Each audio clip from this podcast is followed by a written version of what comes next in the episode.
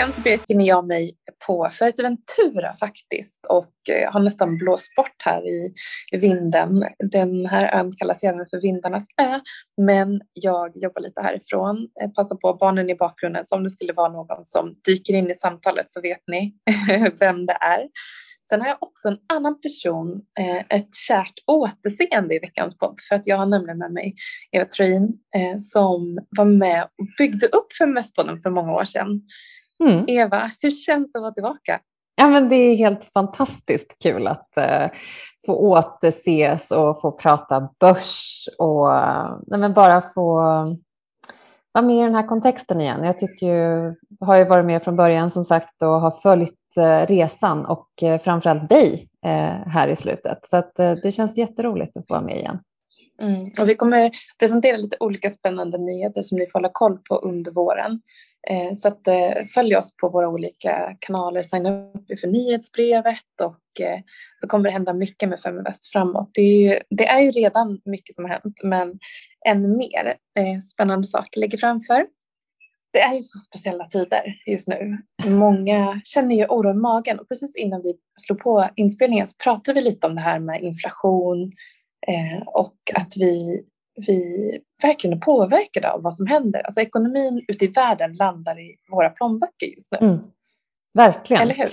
Verkligen. Och eh, jag tror att det var jag som nämnde att det, det, kän, det känns lite så dystert just nu när man läser rubrikerna överallt. Eh, men eh, det är väl så att nu är vi inne i en fas där, där eh, vi har haft liksom, en högkonjunktur länge, vi har haft uppåtgående börser. Nu börjar allting vända och det som vi kanske framför allt börjar känna, känna av, det är, eller i alla fall jag personligen eh, noterar ju priserna i butikerna. Det är ju ehm, Ja, man kanske inte ska säga så, men det är inte jätteofta jag liksom tittar exakt vad en mjölk, eh, ett paket mjölk kostar eller Bregott eh, som frekvent används här hemma också. Men jag blev väldigt chockad när jag liksom tittade på smörpaketet här en veckan och jag tror att det, undrar om inte det kostade, nu ska jag inte komma ihåg exakt, men typ 53 kronor. Ja, hjälp, det är helt galet. Jag är också en Bregott-person. Eh, och eh, jag har också reflekterat över att det har stigit liksom kronor. Jag vet inte exakt heller vad det ligger på just nu. Men, eh, jag, men jag hade med att det var typ runt mellan 30 och 40 för några Precis. år sedan, eller hur? Ja, jag skulle säga det att jag, i mitt huvud så kostar ett Bregott 39. Bara sådär känslomässigt. Men sen när jag återigen då så kanske inte jag är så noga med att titta just på de här basvarorna som man köper som ändå måste finnas i, i kylskåpet. Um, men, men nu blev jag verkligen förvånad och även kaffe och andra saker har ju verkligen dragit iväg. Mm. Och det är naturligtvis i kombination med att, så att köpkraften minskas. Vi får ju, inflationen gör ju att vi får ju lägre köpkraft och eh, priserna ökar. Och sen har vi ju liksom det som kanske är vår stora fråga, att vi har väldigt höga Eh, hög belåningsgrad i Sverige. Många har stora bolån och det är klart att det finns en generell oro kring eh, ränteläget. Som, att det stod väl i tidningen idag att eh, Ingves skulle behöva höja ganska många gånger i år för att komma upp till den förväntade räntenivån. Och det känns ju alltid lite olustigt för då vet vi att då blir det dyrare för oss att bo. Ja, men man har tagit för givet, för det har varit flera år av liksom verkligen goda år. Vi har haft låga räntor, man har haft jättemycket pengar att lägga på saker. Man har inte kunnat resa så man har liksom konsumerat väldigt mycket kanske runt sitt hem mm. och liksom inte reflekterat över alla, alla de här små kostnaderna. Men nu tror jag att många känner att man helt plötsligt med den där högsta inflationen vi haft på många, många år i Sverige, Europa, USA Mm. Eh, Kina håller ju fortfarande lite koll på sin, så de har ju mer ordning där än så länge. Men eh, det gör ju verkligen att vi både har, eh, men vi får både liksom eh, dyrt åka till jobbet med mm. höga bränslepriser. Vi får lägga mer pengar på vårt boende om räntorna går upp och dessutom så levererar inte börsen som vi är så vana vid nu eh, de senaste två åren. Man, man har nästan tagit det för givet och jag kan också tro att många har kommit in och inte reflekterat över vad de har investerat i kanske. Kanske till och med har för smal liksom, diversifiering, har för få bolag eller för få, och helt plötsligt känner lite oro i magen. Mm. Men en sak som, man, som jag faktiskt har pratat om i Feminvestpodden för väldigt, väldigt länge sedan. Jag brukar ju alltid säga just med bolån så brukar man alltid prata om om man ska ha rörlig eller bunden ränta. Och det här är ju naturligtvis väldigt individuellt, men jag brukar alltid tänka och har sagt det under många år, att under de här goda åren när vi haft väldigt låg ränta så ska man ju ändå, när man tar ett bolån hos en bank så räknar ju de alltid med någonting som man, liksom, de räknar ju alltid på en högre ränta, det vill säga vad klarar du av att hantera med din ekonomi? Och den summan kan vara ganska bra att sätta av varje månad så att man vänjer ekonomin med att betala en, alltså verkligen sätta undan en större summa under de här goda åren när vi har haft låga räntor, då kan ju överskottet gå in i sparande. Eh, Medan nu då så kanske man antingen då om man har utrymme, det här är också väldigt individuellt, men om man har kanske amorterat mycket eller sparat mycket, ja då kanske man får dra ner sparandet eller amorteringen lite grann och då lägga det på ränta. Och så får man bara vara nöjd också över att man har haft väldigt många bra år där man har haft förutsättningar att sätta undan det. Men det, för att det ska kännas så så måste man ju också ha gjort det. För risken är ju annars att man kanske har konsumerat upp alla de här pengarna som man haft som överskott och då blir det ju ännu tyngre nu. Mm. Men det kan man fundera på lite grann, att, att liksom, kanske om man inte har gjort det då kanske börja ställa om lite nu och se att ja, men okej, om, jag, om räntan nu skulle gå upp en och en halv procent, jag kanske redan nu ska börja sätta av det så att jag får vänja mig själv vid, vid en hö, högre kostnad. Ja, det var ett jättebra tips. Ett annat tips eh, som jag tänker, det är ju faktiskt, ja men se över alla de här mindre utgifterna som dras automatiskt varje månad. Mm. Eh, och där så kommer jag faktiskt in, för vi är mitt inne i en rapportsäsong och jag kommer in lite på liksom en av de första rapporterna som jag ville bara kommentera lite kort i och med att den släpptes bara för någon dag sedan när den här podden släpps och det är ju eh, Netflix. Ja. Jag tror att många kanske börjar se över den typen av abonnemang vilken av de här liksom, streamingplattformarna ska använda jag just nu? Ska jag säga upp några? Eh, Netflix själva kommenterade ju att, att eh, de eh, liksom, ser att väldigt många delar, så många använder samma inloggning och det kan man ju känna igen. Eh, många som liksom, gör det i närheten. Jag och min kille har i alla fall samma, men jag vet inte om det är någon annan som har kvar våra inloggning någonstans. Det vet jag faktiskt inte. För det är säkert någon som har lånat det vid något tillfälle. Man har inte koll på om det är någon som fortsätter använda det. Eller för sig, man får ju upp den här rekommendationen på vad man tittar på så jag tror inte att det är någon som använder Om det kommer upp något suspekt då så kan du kanske tänka dig att det är någon som har lånat det. ja, exakt. Men, nej, men det är ju helt rätt och de rapporterade ju att det var två miljoner färre. Det är första gången eh, som de går ner i användare och det här tror jag och det, det, fick ju såklart eh, följdeffekter även på liknande bolag på svenska börsen och jag tror att vi kommer, det ska bli jätteintressant, precis som du är inne på, att titta på de här abonnemangstjänsterna eh, nu. För det är klart att jag var faktiskt lite förvånad att det är så många som redan nu har sett över den, eh, den kostnaden. För jag tänker, och nu går jag ju bara till mig själv, jag kanske inte riktigt är där än. Men jag tror att det kommer komma. Man kommer behöva liksom titta på vad pengarna tar vägen när, när priserna ökar och eh, generella liksom, utgifter man har blir högre. Mm. Som du var inne på. Också. Det har också varit så som Seymour, konkurrensen har ökat också bland andra liksom, konkurrenter som har dykt upp som en Seymour eller eh, Disney också som var så hårt drabbade under pandemin mm. och som började titta på liksom, skala upp alternativen för att bygga en affär eh, som höll sig även under perioden de fick stänga ner sina, sina nöjesparker. Mm. Eh, men jag tänker typ eh, Netflix nu, de, jag tror de har ett P-tal på runt ja, men strax över 30. Så de är inte jätte, liksom, de är ju dyra, men med tanke mm. på att det är ett så pass stort bolag eh, som är vinstdrivande, de är inte jättedyra ändå i relation till många andra amerikanska bolag. Nej, det kanske är liksom en... Eh, jag, jag, tror också att det är en, en, reaktion på, som du som vi var inne på, vi är inte vana vid att se att de tappar användare. Nu får man väl se var det, liksom, var det den här Eh, overflowen kanske lite grann, att det kanske är liksom några nu som ser över sina abonnemang, men att det kanske stabiliserar sig eller fortsätter att...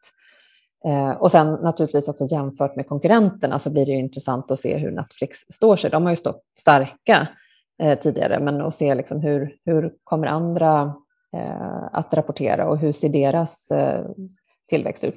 Spotify som inte är en konkurrent till Netflix, men är ju en annan streamingtjänst som kan bli intressant att följa när de rapporterar. Mm, exakt, och de har ju sin rapport, jag tror det är 27 april som den kommer. Eh, jag faktiskt var inne och här, skrev upp mig på deras, eh, att liksom jag ville ta emot deras rapport. Jag var så sugen på att få den direkt i mejlkorgen. Eh, så det blir spännande.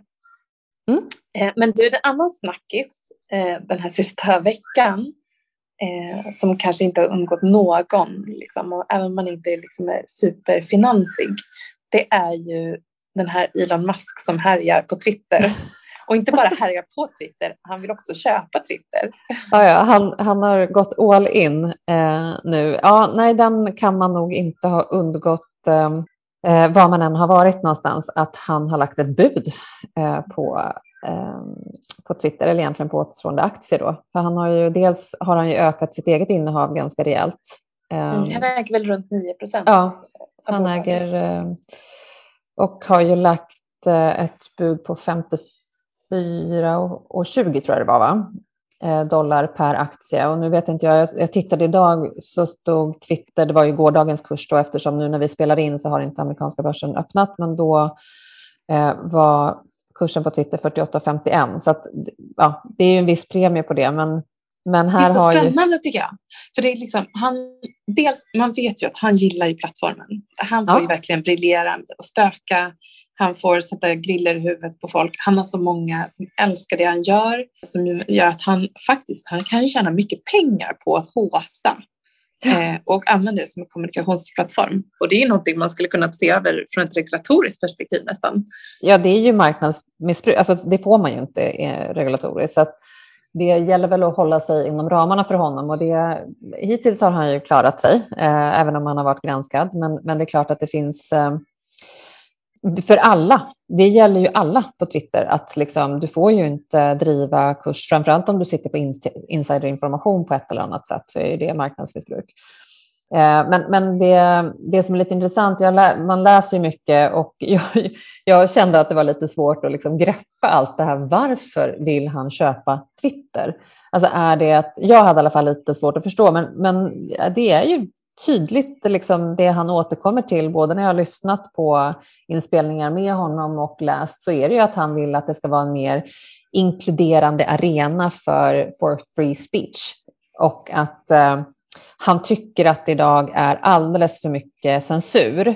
Och det han vill återkomma till, om jag, förstod, om jag har förstått honom rätt, då, så han vill ju öppna, alltså han vill ju ha en open algoritm, så att alla ska kunna gå in och se när, vad som har blivit censurerat och varför. Så att det blir verkligen tydligt. Ehm, och det här är väl kanske någonting som, som jag är för dåligt insatt i, att det, hur mycket censur det faktiskt är på Twitter, hur mycket de går in och korrigerar. Ja, men precis.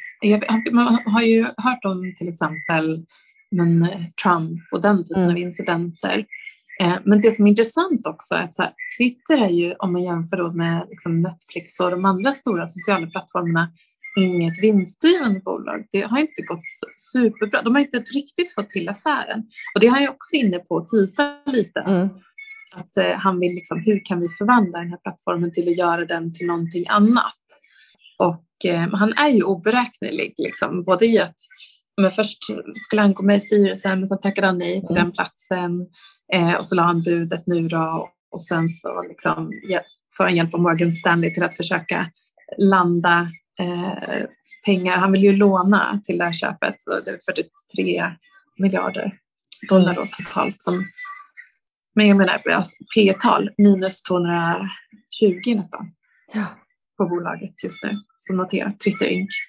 Ja, och samtidigt så kommenterar han ju att han inte gör det här för att tjäna pengar utan han gör det för att liksom öppna, ha en open democracy. Jag, jag, den är lite svår tycker jag. Eh, jag kan förstå hans, eh, eh det ligger ju lite i hans persona att eh, göra såna här saker, men, men eh, vi får väl se. De har ju lagt en sån här, styrelsen har ju ändå mm, lagt ett som man i uttrycker giftpiller eh, var ett nytt begrepp för mig måste jag säga. Ja.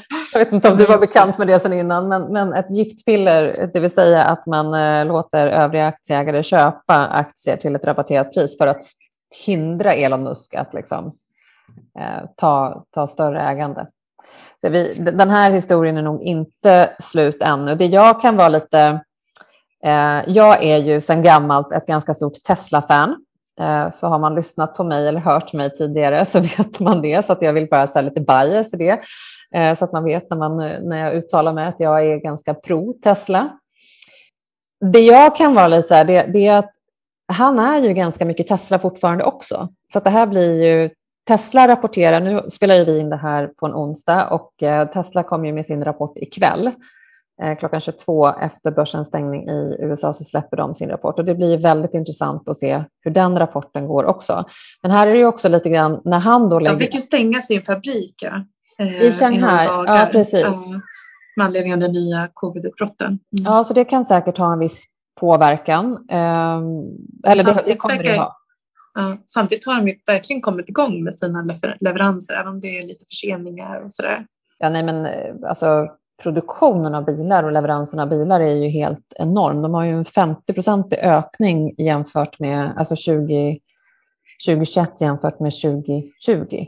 Eh, och nu får man väl se hur det ser ut Q1 då, men de har ju fortsatt att leverera bilar i Q1 på en ganska hög nivå, eh, trots det här stoppet i Shanghai-fabriken. Men de, vi ska också komma ihåg att de har öppnat upp fabrik, de, Austin, den här Gigafactoryn i Austin, Texas och sen så har de ju i Tyskland också. Tyskland också nu, ja. Även om eh, produktionen inte har börjat. Att, men, men det är lite kopplat till Twitter så kan jag liksom lite så här, vad har han sitt fokus eh, just nu när, eh, när de här två... Eh, så vi får väl se. Eh, vi, jag hoppas ju kanske att han går tillbaks lite grann och sätter fokus på Tesla. För jag tror att Tesla fortfarande behöver, behöver honom ett tag till. Ja, men det blir spännande att följa.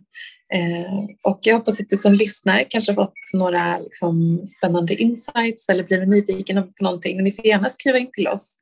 Ni kan använda info.feminvest.se om ni vill att vi ska kommentera någonting eller eh, om ni har några liksom, synpunkter eller tankar på det som vi pratar om i podden. Eva, det är så kul att ha dig med. Ja, men tack. Du måste tillbaka snart igen. Ja, det var så roligt. Så ja. roligt att vara här igen.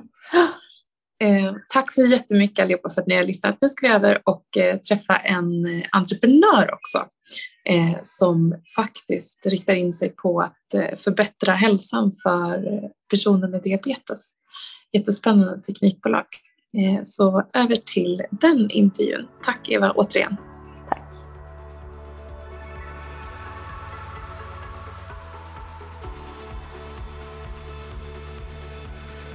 Dagens tema är eh, digital hälsa. Och det här är ju ett globalt fenomen som har vuxit något så kopiöst, inte minst med pandemin som ligger bakom oss, till stor del i alla fall.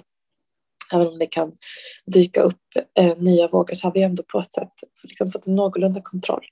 Om vi tittar på global hälsa så om man bara tittar på eh, 2021 så såg man att ungefär 51 miljarder dollar investerades i nya innovativa sätt att, för oss att må bättre.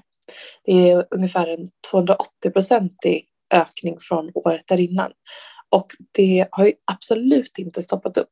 Och det finns otroligt många aktörer inom allt ifrån liksom specifika områden där man jobbar med hälsa för eh, enskilda eh, diagnoser, men också brett fokus på att tillgängliggöra hälsovård på ett enkelt sätt, på ett flexibelt sätt. Ett område som har vuxit jättemycket är ju eh, bland annat eh, kvinnohälsa. Och det har vi haft ett par tidigare intervjuer i Feministpodden som ni kan eh, titta tillbaka och lyssna in på. Eh, dagens hälsa är också ett globalt hälsoproblem eh, som kan få förödande konsekvenser för den som får det och det är ett fokus på diabetes. Och jag har med mig eh, grundaren till Vistafit, eh, Kajsa. Så fint att du är med i FMS-podden. Hej, stort tack för att jag får vara med. Hur, liksom, hur stort problem är det egentligen eh, med diabetes? Och eh, sen så ska vi komma in på vilken lösning ni har för att förbättra livskvaliteten för den som drabbas eller kanske till och med att man inte drabbas. Ja, jag skulle vilja säga att eh, diabetes är en av vår livstids stora folksjukdomar. Idag beräknar man att ungefär 537 miljoner människor har diagnosen diabetes och då är det ett stort mörkertal också. Så att, ja, det är verkligen en stor global sjukdom. Och trenden är tyvärr inte så bra för mänskligheten utan man ser en stor ökning framöver det är ju också en otrolig liksom, påfrestan på vardagen när man har den sjukdomen. Man måste liksom, hålla koll på sitt insulin. Men det kommer ju verktyg så. Eh, men det är fortfarande en stor påfrestning och en osäkerhetsfaktor som hela tiden är med om man drabbas. Absolut, och det har ju nu hundra år har vi nu haft tillgång till insulinet och det var ju en stor förändring för, för alla Alltså, eh, diabetiker att få, få den, det hjälpmedlet. Eh, och det här att man nu har kontroll över sitt blodsocker är ju en jätte, jätteförbättring, vilket gör att många diabetiker kan leva mycket mer normalt liv, även om det är begränsande om man jämför med oss som inte har diabetes. Men det man också vet är att många diabetiker tyvärr får komplikationer. Kan inte du berätta lite om vem du är och var du kommer ifrån? Eh, jag vet att eh, som en liten tease, så vet jag att det här är ju en innovation från din mamma som du nu arbetar vidare med. Eh, men berätta gärna om dig. Men det stämmer. Jag har vuxit upp i en familj där det har varit stort fokus på fötter och diabetesfötter. Så när jag växte upp så pratades det oerhört mycket om det här. min mamma var fotvårdsspecialistvårdlärare och skrev böcker tillsammans med min styvfar som var docent i ortopedi. De gjorde det lite till sin mission att hitta sätt att förebygga uppkomst av fotsår för att minska risken för amputation. Och som dotter i en sån här familj så bestämmer man sig kanske för att äh, men jag ska göra något helt annat. Så att jag har tillbringat 20 år inom telekom och halvledarindustrin. Men det här har ändå legat lite och skavt hos mig, för min mamma hade den här idén om den här produkten. Och då 2019 så ändrades saker och ting i mitt liv som gjorde att jag kände att ah, men nu är det dags, nu ska, jag, nu ska jag ta steget att förverkliga den här drömmen och också se till så att vi får ut den här produkten på marknaden. När du säger diabetesfötter, vad innebär det då för den som inte eh, själv det, har symptomen? Ja, alltså det jag, nu ska man komma ihåg att jag inte har den medicinska kunskapen som mina, min mamma och min styvfar hade. Men eh, för mig diabetes, det är man, många diabetiker eller var fjärde diabetiker får problem och då är det neuropati som man får, det vill säga känselbortfall när man får känselbortfall så ökar risken för att man ska få sår och det är helt enkelt för att man inte känner att man får ont i fötterna. Och neuropati, som jag har förstått det, det är något som kommer krypande. Man vet liksom inte när man får det. Eh, men den här risken att få de här såren som då också har svårt att läka, eller om de läker, att de också då, man slår upp dem och får tillbaka dem igen och andra gånger. Hur vanligt är det här bland, bland de som drabbas? Eh, de siffror vi har hittat så är det 25 till 30 procent som får sår någon gång under sin livstid. Och det är en stor, alldeles för stor del av de som tvingas till amputation av en del eller till och med hela sin fot. Så det är en stor, ett stort problem skulle jag säga. Och hur eh, startade du upp det här bolaget och hur, liksom, hur planerade du framåt där i början? Eh, när du, det var 2019 där, tänkte ja. nu kör jag. ja, precis, nu kör jag. Nej, men så här var det att det fanns en produkt eh, sedan tidigare som var antagligen eh, i början av 2000-talet, som Spectrasol, som gjorde typ det eh, som den produkten som jag ville göra eh, gjorde. Alltså den mäter temperaturskillnaden mellan fötterna. Eh, och Eh, när jag bestämde mig för att jag skulle göra det här så kände jag så här, okej, okay, jag har erfarenhet från halvledarindustrin. Jag ska göra det här en digital produkt. Jag vill ha en app. Det ska vara modernt. Eh, och då tänkte jag så här, äh, men nu, jag kan inte förlita mig på andras kunskap, så jag började läsa forskningsrapporter. Och då hittade jag forskningsrapporter ända tillbaka till 70-talet som visar att om man mäter temperaturskillnaden mellan sina fötter i hemmet så kan man upptäcka tidiga tecken på att man håller på att få sår fem veckor innan såret syns på utsidan. Mm. Det vill säga att det är ett lätt sätt att om jag bara ställer mig på en platta varje dag på morgonen när jag kliver ur sängen så kan jag se hur mår mina fötter idag? De mår bra, jag kör på. Eller nej, de mår inte bra. Vad kan jag göra? Kan jag göra något själv eller behöver jag hjälp? Då har man tiden på sig och man kan jobba förebyggande istället för att ta hand om sår som uppstår. Mm. Så det är lite som liksom, rutinen som Natural Cycles har runt att ta en temperatur på morgonen innan man går upp.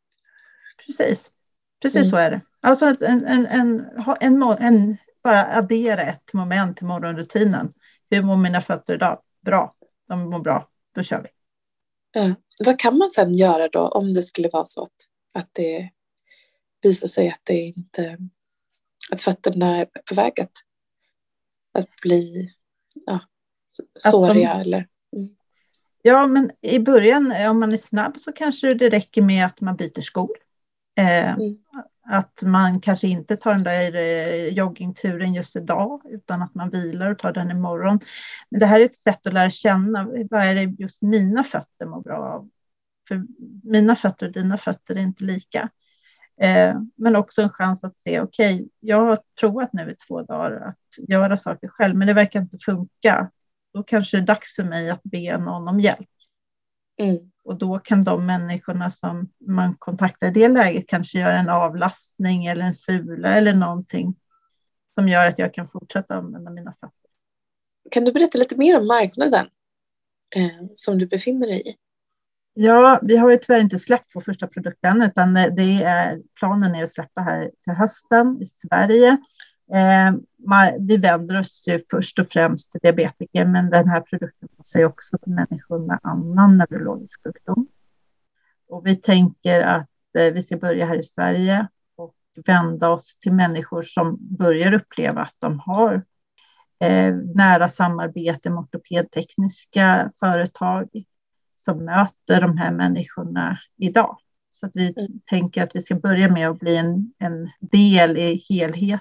Vart vänder man sig om man, om man får diabetes? Eh, de flesta har, eh, lite beroende på var i landet man, man bor, eh, men nästan alla har väl en kontakt med en diabetessköterska. Jag tror att det är första liksom, vägen in diabetesläkare en del beroende på vad man har för klassning på sina fötter. Eh, diabetesfötter klassas enligt en, eh, fyra riskklasser.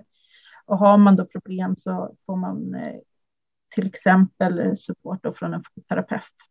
Mm. Eh, och en del går ju då, de som har varit sår och behöver avlastning går ju då till ortopedtekniska företag och får hjälp den vägen också.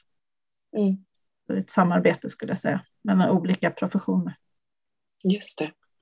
det är, man måste känna sig ganska ensam, tänker jag, när man drabbas. Jag tror att det är en chock när man drabbas. Mm. Mm. Så att, och det finns ju också olika typer av diabetes, måste vi komma ihåg. Och även vi, de flesta av oss, vi, vi har hört talas om typ 1 och typ 2 diabetes, men även inom de klassningar skulle jag säga att, det, att diabetesen ser olika ut för olika människor. Eh, så att eh, ja, jag tror att det är en chock. Det är en livsomställning både för individen som får diagnosen men också för de anhöriga runt omkring. Mm. Ja, jag kan inte föreställa mig. Jag känner faktiskt eh, en som la upp en bild på Instagram här eh, apropå eh, återbruk. Mm. Så la hon upp två stora hinkar fyllda med de här plast eh, kapsylerna, eller de här, när man tar eh, sprutan. Mm. Eh, och så sa hon, apropå liksom återvinning, nu ska jag åka eh, och det här är min, eh, den insulinen som jag har tagit under ja, men ett års tid. Och det var så oerhört, det var så mycket liksom, sådana här hylsor eller vad man ska säga. Mm. Ja, men det är, alltså, det är ett, jag skulle säga att det är ett jobb att leva med diabetes att hålla koll på allting och det är därför jag känner att vi kan vara med och bidra så att eh, med ännu ett verktyg som gör att man kanske kan få bort en del stress och känna att men nu har jag åtminstone koll på mina fötter. Då, det innebär att jag kan fortsätta röra på mig och vara aktiv. Jag kan träna och få min kropp att må bra, men jag kan också vara med i sociala sammanhang. Eh, mm och le fortsätta leva mitt liv. Det är liksom det vi vill vara med och bidra till. Mm.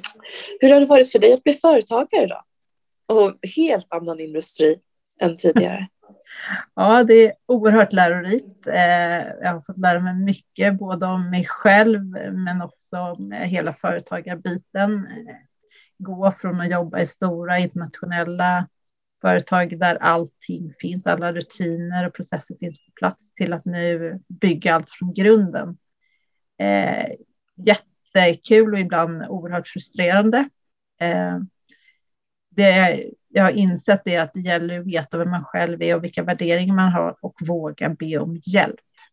Mm. Det finns ju oerhört många människor som är villiga att hjälpa om man bara vågar be om Ja, för det är också ensamt, apropå det att det är ensamt att drabbas av diabetes. Det är väldigt ensamt också att vara företagare, speciellt till början när man inte kan marknaden i så stor utsträckning. Man vet inte alla stegen som behövs för att bygga den här tekniska plattformen som, ni, som du nu har gjort är på väg att lansera. Och sen också liksom, hur bygger man ett, eh, ett, ett, ett en organisation runt sig? Eh, hur, hur go-to-market-strategi. Ja, men det är så mycket. Men det blir väldigt hands-on. Jag tror att man, man utvecklas väldigt mycket och många kan ju liksom tänka att det är väldigt riskfyllt eller väldigt läskigt att starta företag. Men många som sedan startar säger ju varför gjorde jag inte det här innan? Ja, men jag känner igen mig precis i det du säger. Det är, man målar upp en bild av att det är mycket svårare än vad det egentligen är. Eh, så att det är oerhört roligt och givande att få bygga både ett företag men också den här möjligheten att få bygga team är ju så kul. Att få välja vilka människor man jobbar med. Eh, alltså, ja, ja, varför gjorde jag inte det här tidigare? Det kan man ju fråga sig. Mm. ja, jättekul är det. Mm. Eh, vilka målsättningar eller milstolpar har du satt för det här året? Då? Ja, men det här är ju ett tydligt, det är att vi ska ut på marknaden med vår första produkt. Det är ju det, dit ska vi. Eh, många vet ju att vi pratar om det här med halvledarbristen och det är en utmaning när man tar fram en hårdvara som vi gör. Nu har det varit väldigt korta beslutsvägar i mitt företag så att jag har ju kunnat köpa in material eh, ja, samma sekund som jag satt att det funnits hemma. Så vi har ju lyckats bygga lite och ha på hyllan. Och nu eh, använder jag mina gamla kontakter här för att jaga det materialet vi behöver för att kunna lansera så som vi har tänkt. Är... Ja, för ni måste ha drabbats av eh, precis halvledarkrisen. Både att det, det finns en liten tillgänglighet men eh, också att det, det, har gått upp i pris. Absolut, det är en utmaning. Eh, men, men jag känner så här att jag är så luttrad efter mina år i den här branschen att jag vet att det kommer sådana här eh, allokeringsvänder, men de går också över. Mm. Eh, så att det gäller bara att rida ut stormen och vara redo och agera snabbt. Så att jag känner att äh, det, det kommer förhoppningsvis inte vara en showstopper, eller vi gör i alla fall allt vi kan nu för att köra på enligt vår plan. Mm. Eh, Berätta lite om affärsmodellen då.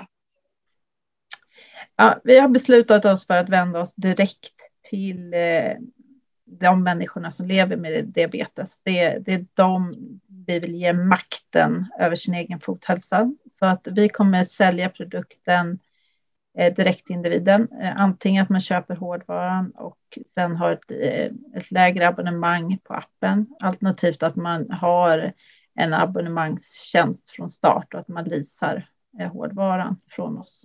Så det kommer att vara två olika upplägg. Mm. Behöver man det här hela livet?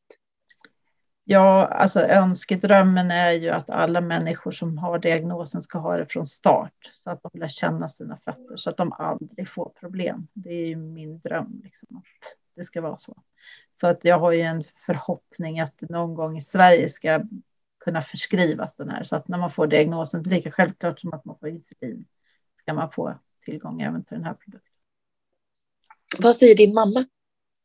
Ja, men hon är ju jätteglad självklart över att eh, jag tar det här vidare nu och hon är med och stöttar. Hon har ett enormt kontaktnät som hon öppnar upp eh, och är med och hjälper till och också förklarar de medicinska aspekterna. Så att, eh, vi har ett bra samarbete hon vill ju också gärna se den här produkten ut på marknaden. Se. Du, tack så jättemycket för att du delade lite av eh, din påbörjade resa och det blir spännande att följa er mot lanseringen och sådär. Vad tycker du har varit tuffast? Oj, det tuffaste är nog det här med kapital. Det kostar oerhört mycket pengar att ta fram en medicinteknisk produkt. Eh, och, eh, så det är kapitalresan som är den är den största utmaningen skulle jag säga. Det är tack vare ängelinvesterare som vi har kommit så långt som vi har gjort. Ja, jag hoppas verkligen att vi får med oss eh, fler på vår resa, för det är också något som är väldigt häftigt när man tar in kapital, det är att man får också med sig kompetens. Mm, så är det verkligen. Så den, den, eh, den ska man inte underskatta. Kommer ni att vända er till en internationell marknad med ganska snabbt? Eller du nämnde att ni börjar i Sverige. Ja, jag har faktiskt redan en eh, potentiell återförsäljare i Storbritannien som, som vill att vi ska in där. Eh, så jag ligger och bromsar lite, vilket är en liten konstig känsla. Eh, men eh, ja, vi kommer absolut eh, gå ut på internationella marknaden och vårt fokus kommer först och främst vara Sverige och sen Europa. Vad tror du kommer hända med ert bolag om liksom 20 år? Vad, vad kommer ni vara? Då kommer vi vara ett börsnoterat företag eh, och vi eh, kommer vara det här referensmärket och bolaget för fötter och fothälsa. Mm. Kul. Spännande att följa dig Kajsa. Tack så jättemycket för att du var med i dagens podd. Eh, och eh, du kommer också vara med på, eh, på Fearless-eventet. Det blir jättekul. Ja, det ser jag verkligen fram emot. Stort tack för att jag fick vara med. Jätteroligt. Ja, tack själv. Kör hårt.